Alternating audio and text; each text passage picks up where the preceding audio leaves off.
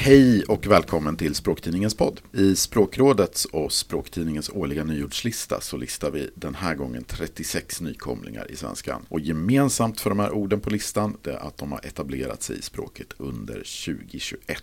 Jag heter Anders Svensson och jag är chefredaktör för Språktidningen och jag är också ansvarig utgivare för den här podden. I det här avsnittet så ska vi prata om 2021 års nyordslista. Dagens gäster är Ola Karlsson och Lena Lind Palitski. Välkomna! Tack så mycket. Tackar, tackar. Ola, du är språkvårdare på Språkrådet, också Språkrådets nyordsredaktör. Och vi har ju varit, du och jag, ansvariga för den här listan i rätt några år, så även den här gången. Vi har också haft hjälp av en av dina kollegor, Linnea Hanell, den här gången. Lena, du är språkforskare vid Stockholms universitet, skriver språkspalter i Svenska Dagbladet och återkommande gäst i vår podd. Du har ju också tidigare varit kollega med Ola här på Språkrådet. Men Lena, du har inte jobbat med listan i år, men har fått tjuvkika lite så här innan vi spelar in det här. Vad har du för spontana kommentarer och reflektioner? Att den är så jäkla deppig i år. Jag blev så trött när jag läste den. Alltså hela coronatröttheten bara kom över mig. Så här, ska vi behöva ha ännu ett år med alla dessa coronaord? Och det är ju inte ett dugg konstigt för det liksom speglar ju samhället och orden hänger ihop med vad som händer i världen såklart. Men det blev ändå så, när det står samlat på en lista och så, ja, så jag tyckte det kändes eh, deppigt deppigt. Och förutom liksom coronaorden så är det ju fullt av, eller fullt av, men det är liksom det klimathotet syns ju och det handlar om våld och ja, det var rätt deppigt. Det var min spontana reaktion. Mm. Ola, du och jag, vi har ju jobbat med den här listan i, vad är det, lite drygt två månader, lite till och från sådär. Så vi har ju då levt med de här orden ett tag. Men eh, skulle du också säga, är, är, det lite deppighet? Kan man säga att det kännetecknar den här listan? Mm. Ja, men jag håller absolut med om det. Men det är ju så samhället har sett ut det senaste året. Det är mycket sjukdom och skjutningar. Sen har det kanske inte slagit mig eller oss lika mycket. Man har ju inte den distansen när man sitter och arbetar med det. Men annars, alltså det som ju kännetecknar listan är ju framförallt att de här coronarelaterade orden dominerar igen. Det hade man ju verkligen inte trott för ett år sedan. När man trodde att det var förra årets lista, för den var ju väldigt präglad av corona, då tänkte man det här var coronaåret. Nu slipper vi det nästa nu år. Nu slipper vi det, så trodde man att nu nästa år är det någonting annat. Men det är i alla fall nya ord, alltså det är ord som speglar den här återgången till kontoren och mycket hybridsammansättningar med hybridmöten och hybridarbete och hybridkonferenser och allt vad det var. Ja, för det finns ju en del ord som ändå symboliserar något slags ljuset i änden av den där tunneln, tänker jag. Att, att om man nu ser vaccinet som en ja, vägen ut ur coronapandemin så finns det, det finns ju flera vaccinord och ändå ord som på något sätt ja, men står för något slags eh, närmande åt något var, en liksom vardag som vi är lite mer bekanta med. Men det var inte så att ni hade ett gäng väldigt positiva ord som eh, ni valde bort? Nej. Nej. Vi, vi hade en väldigt dålig dag på jobbet och så bara, nej men vi tar alla de här skittråkiga orden. Man undrar ju. 2020 års nyordslista den präglades ju väldigt mycket av coronapandemin. Jag tror att det var ungefär hälften av orden som på något sätt var relaterade till pandemin. Och det är nästan hälften i år som på något sätt kan kopplas till pandemin. Så man känner ju igen det här mönstret som vi var inne på här. Men eh, att pandemin fortsätter att påverka språket. Jag tänker Ola, vad tror du? Kommer de här pandemiorden, kommer de att överleva allihopa? Jag har tänkt tidigare att den dagen när pandemin är över, och det är väl rätt snart, då kommer 95 procent av orden minst att dö direkt. Men för det första så verkar det inte som att pandemin kommer att försvinna i det första taget. Den kommer nog finnas kvar även om det är en mildare form kanske under ett ett antal år framåt. Och det kommer säkert generera eh, ord och att många kommer leva kvar. Och sen finns det ju nya fenomen som är här för att stanna som de här hybridmötena och annat. Och jag tror också att de här medicinska orden som vi har lärt oss och som har uppgått i allmänspråket. Vi har genombrottsinfektion nu, vi har haft superspridare tider. De kommer vi fortsätta att använda under ganska många år tror jag. Men absolut, sen finns det ju de som är väldigt tillfälliga som nog redan är på väg bort. Vi har ju ett exempel jukebox bio på listan listan för sådana här privatvisningar på biografer som var ett försök från biograferna att överleva under en väldigt ansträngd period. Och det har de ju kunnat sluta nu med covidpass och så, så det är nog ett ord som redan är i princip borta. Men jag tänkte på det här som du sa med just de här termerna, alltså som är medicinska termer, som genombrottsinfektion till exempel. Det är ju liksom en speciell kategori, ord som har varit etablerade länge inom något fackspråk och så kommer de till allmänspråket. Och tidigare har vi haft liksom tsunami och bogvisir och, och sånt. Är det inte alltid när det sker någonting väldigt deppigt och dramatiskt? Jag försökte liksom komma på något ord som har funnits i fackspråket, som har spridits till allmänspråket,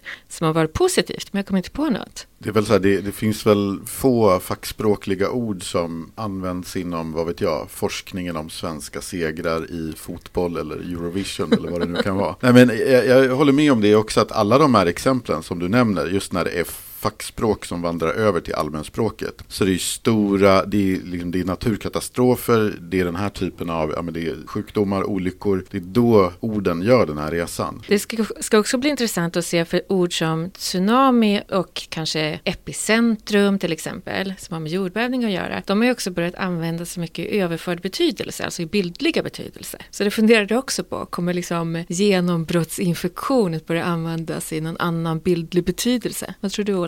Mm, det tror jag absolut. Och då kan de ju också få en, en positiv innebörd i den här överförda betydelsen. Att tsunamisk kan ju stå för någonting bara stort och överväldigande ja. idag ibland. Så att, och då kan det ju vara positivt. Och lite kanske vi använder superspridare. Att vi använder det positivt redan nu. Man kan vara en superspridare och glä, men, glädje. Men lite lätt ironiskt då skulle jag säga. Åtminstone ja, om man känner länge. till varifrån det kommer. Ja, men att det kanske kommer sen att användas. Jag har faktiskt sett något sådant exempel. Ja. På överförd användning av superspridare superspridare med mer positiv innebörd. Någonting annat som ju alltid är ett ganska nästan som ett fast inslag på nyordslistan det är att det finns engelska lånord. När vi lånar in lånord så har det ju länge varit så att det har varit engelskan som varit den dominerande källan. Och alltid är det ju så att det är rätt många som är kritiska till att det finns ett antal engelska lånord på listan. Jag tänkte Ola, ur ett språkvårdsperspektiv, du som jobbar på en språkvårdande myndighet, är det här problematiskt? I grunden inte. Jag skulle säga att nyårslistan speglar ju nya fenomen och vi får ju ofta in dem med engelska ord för de här fenomenen när de dyker upp. Men ofta så är det ju så att de här orden anpassas till svenskan, de får eh, anpassad böjning och stavning och så. De översätts väldigt ofta. Det ser man ju på de orden i listan att de automatiskt översätts till svenska omgående och med tiden så är det ju ganska många av dem som också ersätts helt av, av andra svenska ord. Så att i grunden är det inte ett, ett jätteproblem. Sen är vi medvetna om det här att, att det väcker negativa reaktioner när man har väldigt mycket engelska lånord. Men vad är det inte ovanligt många översättningslån? För jag, jag, blev väldigt glad över att se ord som delningsboende till exempel och så var det tippningspunkt. Tipp, tippningspunkt kanske jag inte är helt förtjust i. Vad är det för fel på brytpunkt tänkte jag. Men ja, det kan vi lämna det här. Men det, var, det är liksom fler och det här med domedagsskrollande, att det är väldigt eh, bra svenska ord som är översättningslån. Det kändes som att det var ganska många lyckade sådana. Ja, men jag tror att de kommer automatiskt när det känns naturligt att översätta. Och det blir så naturligt så att man hade lika gärna kunnat hitta på det här ordet på svenska från början. Jag har lite svårt att se invändningarna mot sånt där. En klassiker är ju ha en bra dag för have a nice day. Mm. Vad är problemet? Det är ju fullgod idiomatisk svenska redan från början. Tycker du också att tack för nu är bra? Det är kanske inte lika naturligt men det fungerar och kan försvaras tycker jag. Jag vet ju också att det är många som klagar på det var allt för nu. Ja men precis. That's all for Tack. now. Ja, men, typ. ja precis. Tack för nu eller det var allt för nu. Jag tycker att det är ganska fiffiga konstruktioner på svenska. De låter ju inte helt svenska kanske från början men det är ju mest en vansak. De blir mm. naturligt svenska med tiden. Men många av de andra de här översättningarna är ju jättenaturlig svenska redan från början. Så pass att ja, de hade lika gärna kunnat dyka upp i svenskan först och exporterats till engelskan. Jag tänkte Lena, du som inte jobbar på språkrådet längre så du behöver inte företräda en myndighet. Du kan uttrycka dig, vad vet jag, så vildsint som man nu kan göra som en lektor på Stockholms universitet. Tycker du att de här lånen är ett bekymmer? Alltså borde språkvården, borde man vara mer eller mindre tillåtande mot engelska lån? Nej, men jag är ju djupt präglad i den här språkvårdstraditionen så jag håller med om allt som Ola säger. Enstaka ord är ju väldigt sällan problematiska men man blir väldigt glad just över de här översättningslånen. För då får man så mycket gratis att det är, liksom, det är mycket lättare att uttala på svenska och böja på svenska och liksom använda dem i det svenska språksystemet. På det sättet blir man ju väldigt glad åt ord som delningsboende istället för liksom co-living. För det är ju krångligare att skriva och så använda på svenska. Jag tänkte Ola, ur ett språkligt perspektiv, vad, vad fyller nyordslistan för funktion tycker du? Det viktigaste är väl att uppmana till språklig kreativitet och nyordsbildning. Så väldigt många människor tror ju att orden kommer uppifrån, att det är språkvårdare, SAOL-redaktionen som hittar på alla ord och godkänner dem. Det är de man får använda. Det är precis tvärtom. Och vill vi ha ord för att kunna prata om de där fenomenen som vi vill prata om, då måste man ju ha ord för dem. Så det är liksom allas ansvar att hitta nya ord för de här fenomenen. Så det är ett viktigt syfte. Ett annat är ju eh, liksom att peka på aktuella ordbildningstendenser och så i svenskan. Det är mer tydligt språkvårdsuppdrag där kanske. Men ser du, om, man brukar ju prata om det här med ordbildningstendenser. I årets lista finns det ju en, ja men man pratar, det är översättningslån och så finns det en del teleskopord. Men är inte det samma varje år? De här ordbildningstendenserna? Kan man se några nya ordbildningstendenser? Jag skulle säga, jag gjorde en genomgång av nyordslistorna här för något halvår sedan var det väl. Och kollade då på de nyordslistor som gjorts då, ja, från språkrådet började. Så den första var ju då 1986 års nyordslista fram till 2020. Och det är klart att listorna ska man ju vara medveten om att de är ju så att säga inte facit, det här är inte alla nya ord i språket. Så att de är kanske inte ett perfekt material att utgå ifrån. Men någonting som blivit vanligare var väl framförallt framförallt de här teleskoporden. Att det känns som att det är det många som tycker det är en rolig, fiffig sätt att bilda nya ord. Och de kallas ju teleskopord då för att det är som att man, man tar två grejer och så skjuter man ihop dem som ett teleskop.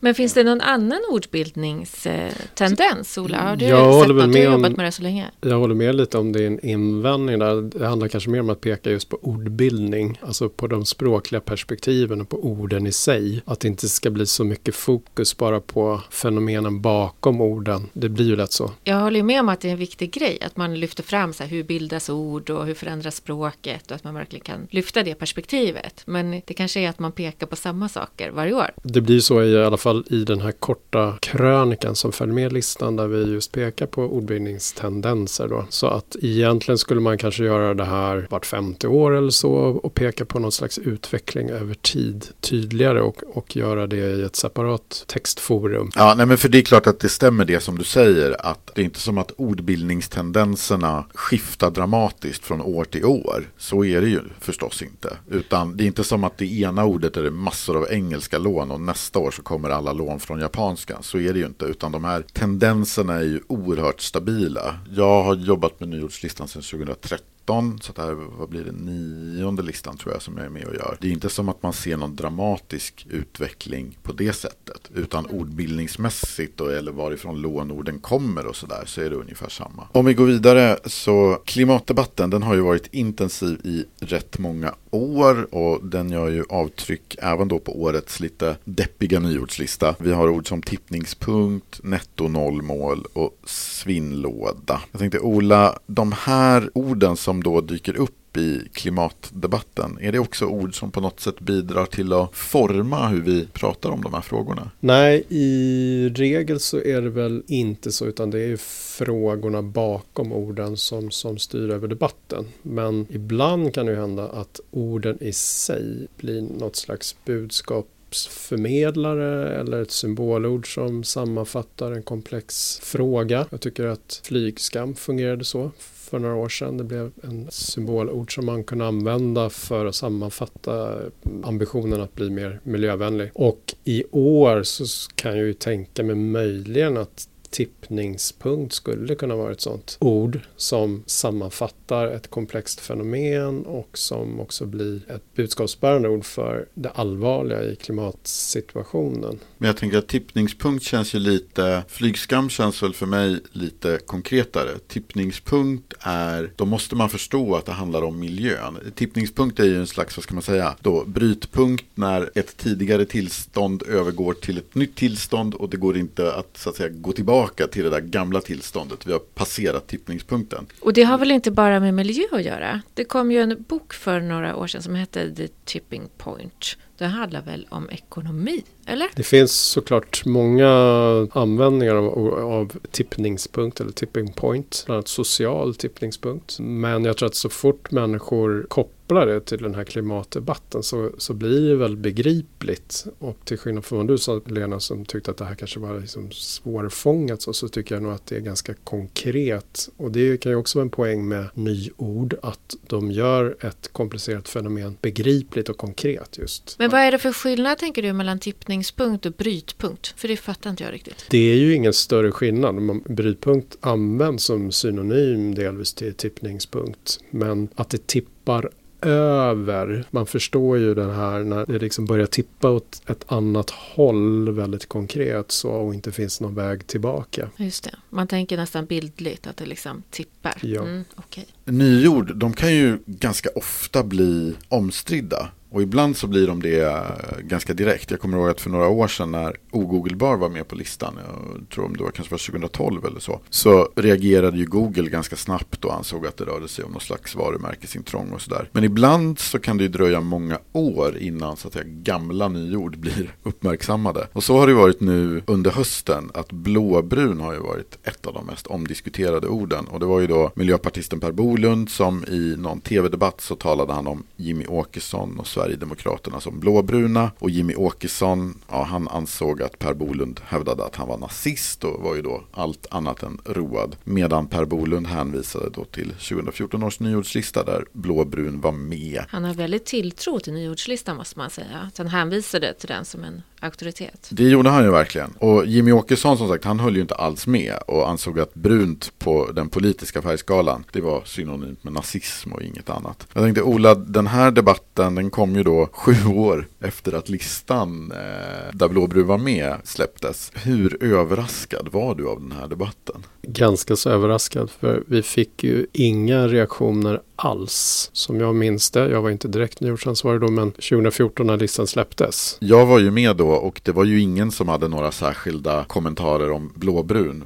Sverigedemokraterna nämndes ju inte liksom i exempel eller definition eller sådär, men det var ju, det var ju tyst. Det var inga Sverigedemokrater eller andra som hörde av sig då i alla fall. Nej, och det hade ju använts under ett antal år av svenska medier och utländska om sådana här partikoalitioner då mellan högerpartier och främlingsfientliga partier. Men nästan alltid ganska svepande och med hänvisning till utländska förhållanden. Alltså sådana här partikoalitioner i andra länder. Men det här säger väl också någonting om det politiska klimatet och det, dels den politiska situationen i Sverige och hur klim, liksom debattklimatet har förändrats. Att det blir så stor sak nu, tänker jag. Mm, men det var ju konstigt att det var neutralt när den släpptes och sen när det blev laddat igen nu i Sverige för att det handlade om konkreta partier i Sverige och en aktuell parlamentarisk situation och det dessutom började användas av i det här fallet Per Bolund om en person i samma rum. Det var ju då det blev laddat. Men sen då för att han hänvisade till nyårslistan 2014 som någon källa för att det här var ju godkänt att använda så fick ju vi ta emot en massa skit för det i efterhand och, och blev beskyllda för att förgifta det politiska samtalet i Sverige i stort sett retroaktivt. Det drogs det, det in liksom i den politiska striden. Men det är ju precis som du säger, det blir ju laddat om det tillskrivs någon person eller liksom en grupp människor. Alltså det tillskrevs ju inte en grupp så tydligt då i nyårslistan. Det är väl det som är skillnaden tycker jag, att det blir så laddat nu och inte då. Lena, lite så här i allmänhet, hur kan det komma sig att vissa nyord väcker så starka känslor? Men generellt så väcker ju språk känslor och förändring väcker känslor och nyord är ju liksom språk och förändring i ett. Och sen är det ju klart att den här typen av politiska ord, det är ju genom språket och genom orden som vi liksom förhandlar om samhället och makt och vem som bestämmer och tolkningsföreträde och så vidare. Så det är klart att vi strider ju om orden och vi strider om vad saker ska heta och hur de ska benämnas. För det säger ju någonting om vår syn på samhället och världen och så vidare. Det, är liksom, det gäller ju allt språk. Men det blir ju väldigt tydligt när det är nya ord. Vi släpper ju det här avsnittet den 27 december. Men vi spelar ju in det här några dagar innan. Så det är inte som att vi sitter med facit i hand här. Men om vi skulle tillåta oss att spekulera. Ser någon av er något ord från årets lista som skulle kunna bli lika laddat som blåbrun? Jag skulle säga att en viktig orsak till att ord och nyord väcker känslor är ju att människor tenderar att blanda ihop orden och fenomenen bakom. Ofta är det ju fenomenen bakom som man är upprörd över. Den typen av reaktioner får vi ju nästan varje år. Och skulle det vara något ord i år så kan man ju tänka sig att ett ord som gangfluencer, alltså en person som idkar gängvåld och skryter om det i sociala medier, att det skulle kunna uppfattas som att vi sprider ett negativt samhällsfenomen genom att exponera ord för ett sådant fenomen i listan. Och det kan ju människor bli upprörda över, det vet jag av, av erfarenhet. Och det är inte helt taget i luften. Alltså om man sprider ett ord och ger ett ord uppmärksamhet så skapas det också nyfikenhet, inte bara kring ordet utan fenomenet. Det är klart att det finns en sån risk, tänker jag. Ja, jag tycker det här att säga att vi redovisar bara språkbruket. Det här är ord som människor använder. Så kan man ju resonera och många ordboksredaktioner resonerar ju så att vi tar med orden bara även om de är känsliga eller laddade. Men nyårslistan är ju en annan sak lite för att den får en enorm medial exponering också hos den breda allmänheten. Så att jag tror att det väcker mycket starkare reaktioner när vi har mer laddade ord i listan än om de står med i SOL till exempel. Och bara en sån här sak som den här debatten nu om blåbrun visar ju också vilken liksom auktoritet man tillskriver den här listan. Och det är ju svårt att styra över, även om ni sitter i olika radio och tv-soffor och liksom pratar om det här och säger att, ja, liksom redovisar vad listan är till för och så vidare, så uppfattar ju inte folk det. Det vet man ju, att det är många som uppfattar det som att det är så här, nu kommer språkrådet och språktidningen med en ny lista, nu har de kommit in i språket, nu är de accepterade. Och så fungerar det ju inte och det sitter ju ni där och förklarar, men jag tycker ändå att den uppfattningen lever ju kvar ganska mycket. Absolut, det gör den ju. Jag vet inte hur många gånger under karriären, om man nu kallar det för att man har en sån, ja, men som man har sagt just det här att det här är inte ord som vi nödvändigtvis anser är fantastiska och som ska användas eller sådär. Finns det några ord som ni tycker att, uh, har ni personliga favoriter som ni skulle vilja se så här, det här skulle jag vilja få spridning i språket? Mm, ja, men det tänker man ju ibland att det är en så kallad semantisk lucka tycka att det är ett ord som verkligen behövs i språket. Vi har inget bra ord. Jag kan ju tycka att många, inklusive språkvårdare, är lite för flatade. Att man liksom, vi kan inte använda indian och då måste vi kalla det för amerikansk ursprungsbefolkning. Men det är för trubbigt och väldigt inexakt och täcker inte in alla grupper på ett bra sätt. Kan vi inte bara hitta på ord som betyder exakt det här? Kan vara helt godtyckliga ord som blurpli blurp som Varför betyder exakt det här. Varför hittar du inte på något då? För indian, det är ju ett problem i språket. Har du något bra? Tyvärr så fungerar väl inte språkvården riktigt på det sättet. Men om jag får bestämma kanske den skulle göra det lite mer. Men eh, du svarade inte på frågan om du har något eh, favoritordlistan? Inget som fyll är den så här jättebra som man skulle vilja sprida. Men jag har ju ett favoritord ändå. Jag gillar det här phono. Ja, ah, det är min favorit också. Ah, ah. Men det är mycket för att jag identifierar mig lite med det. Jag tänkte precis säga det, det här säger någonting om er tror jag. Nej! Ola är ju absolut, jag förstår att du identifierar dig. Jag är jättefånig.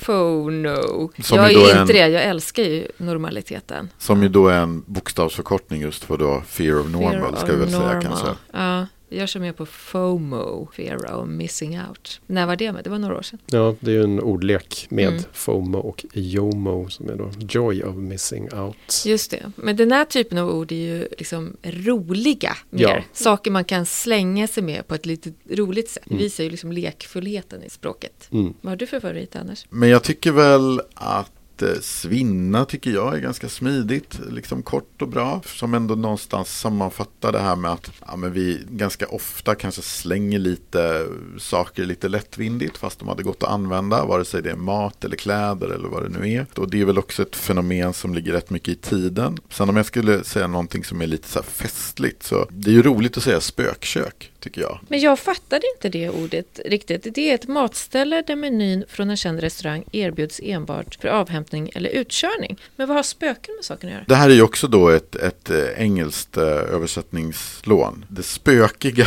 består väl då i att det här är ju inte en restaurang som du kan gå och äta på. De har ingen egen servering. Och sen så har de ju då också i regel lånat menyn från kända matställen. Men det finns kanske inte det här kända matställets logga eller någonting så på där de då tillagar den här maten. Jag tycker det känns långsökt. Du tycker det känns långsökt? Ja, jag mm. tycker det ligger bra på tungan i vilket fall Ja, som det helst. gör det. Det är ett snyggt ord. Det är ett snyggt ord. Men jag, men jag har aldrig beställt från ett spökkök. Det finns ju en del i Stockholmsområdet har jag förstått. Men jag har inte beställt från det. Men eh, jag är ju rädd för spöken kanske. Ja, precis. Alla det... spökord är roliga. Så är det. Även om de är obegripliga. Ja, jag kommer ihåg nu det året vi hade Ghosta med på listan så sa jag att det var min favorit. Det här att, så att säga, dumpa någon och bara lite gå under jorden. Eller vad ska jag säga. Då var ju spökkopplingen lite tydligare. Absolut, och det ordet har ju faktiskt verkligen fått fäste. Det, skulle jag säga. Jo, men det, det är faktiskt någonting som jag fortfarande använder då och då. Ja, Inte metoden, inte Att du metoden. ghostar. Jag använder inte metoden, men, men, men, men däremot eh, Kom- ordet tycker jag är Kommer bra. du klippa bort det här eller inte? Spänningen är olidlig. Lena, förutom FONO, har du någon annan favorit? Jag gillar ju de här eh, orden som, eh, ja, men som är liksom tydliga och genomskinliga och liksom tydligt säger vad det handlar om. Jag gillar ju delningsboende, tycker jag är bra. Jag tycker domedagsskrollande är bra för att det är liksom en, en bra svensk eh, översättning och man fattar ganska mycket vad det är. För några år sedan så vet jag att jag hade ordet blåljuspersonal som favorit. För att det är verkligen det som du är inne på, Ola, det här när det finns en semantisk lucka. Att vi hade liksom inget ord, ett samlingsord för ambulans och brandbil och polis. Och så kommer det här ordet som är så självklart. Och det är den typen av ord man vill ha. Ja, men de står väldigt självklart för någonting eller beskriver det på ett väldigt genomskinligt sätt. Med den kategorin som jag gillar bäst. Och sen så är det ju kul med de här lite skämtsamma som Fono och så tycker jag. Ja, vad tror ni om vi hoppar fram ett år i tiden? Sitter vi här igen med en smådeppig lista med en massa coronaord och klimathot? Då? Eller har vi blivit den här listan med alla glada ord som vi egentligen skulle exportera till engelskan men vi behåller dem själva för att vi Nej, men behöver jag peppa oss tänker lite? nästa år då måste det bli liksom ord för dekadens och fest och liksom 20-talet tillbaka annars så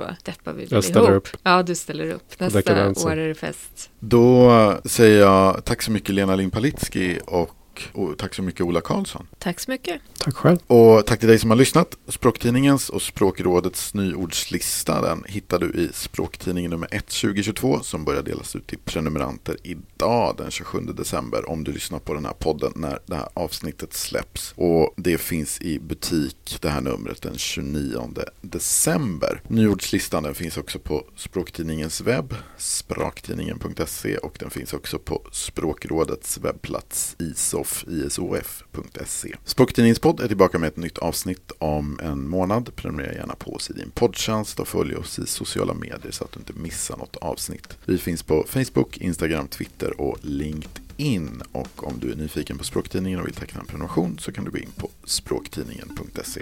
Tack så mycket och på återhörande.